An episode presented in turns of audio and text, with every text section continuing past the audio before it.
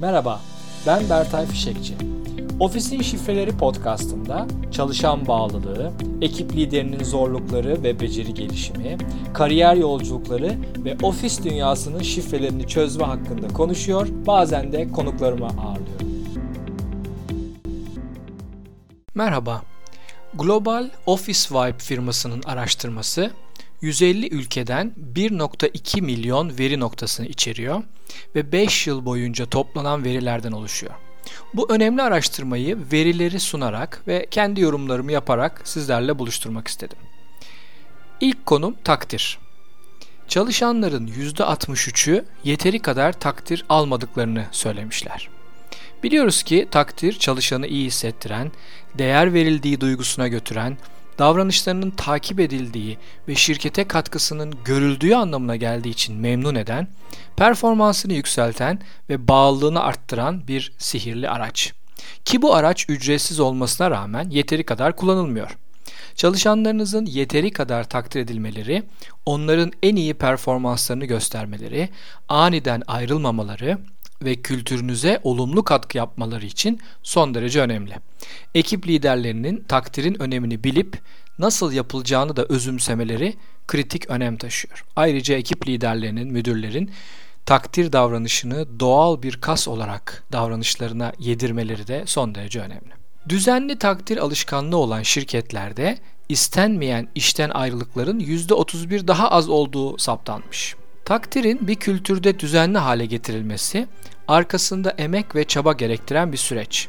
Biz çalışan bağlı programlarımızda bunu önce küçük bir kültür elçisi grupla yapıyor.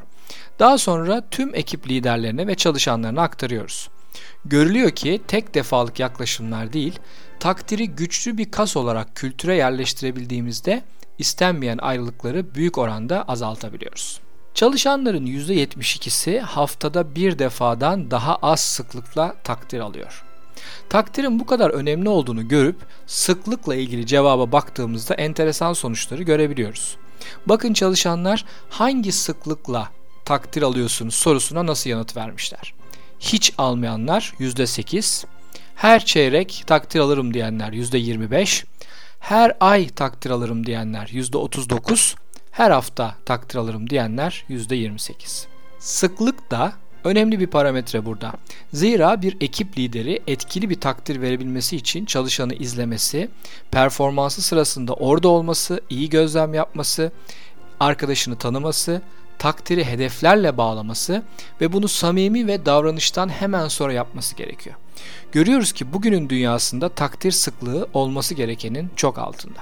Çalışanların %83'ü hediye almak yerine takdir almayı tercih edeceklerini belirtmişler.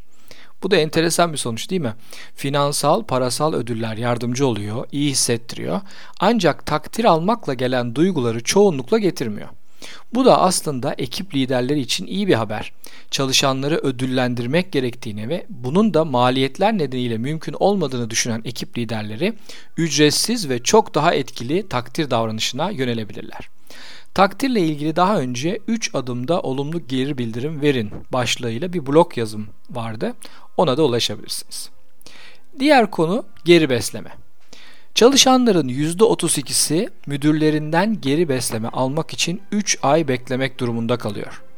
Geri besleme konusunda da bir çekinme söz konusu. Ekip ve liderleri vermekten kaçınıyor, çalışanlar ise almak istiyor. Sizde durum nasıl?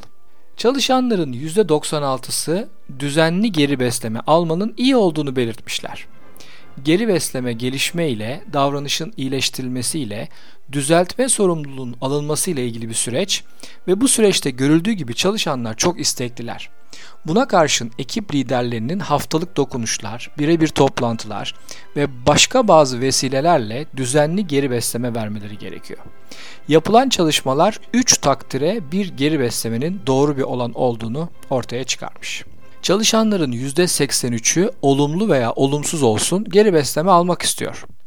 Çalışanlar bulundukları ortam, ekip ve kültürde gelişim olanaklarını araştırıyor, bunun olmasını istiyor. Bu bağlamda liderlerinden kendi gelişimleriyle ilgili geri besleme almak onları memnun ediyor. Geri besleme verme yollarını da bildiklerinde liderler gelişimde büyük rol oynuyorlar. Yine bu konuda bir blog yazım var. Başlığı 3 adımda geliştirici geri bildirim vermenin yolu. Ona da ulaşabilirsiniz.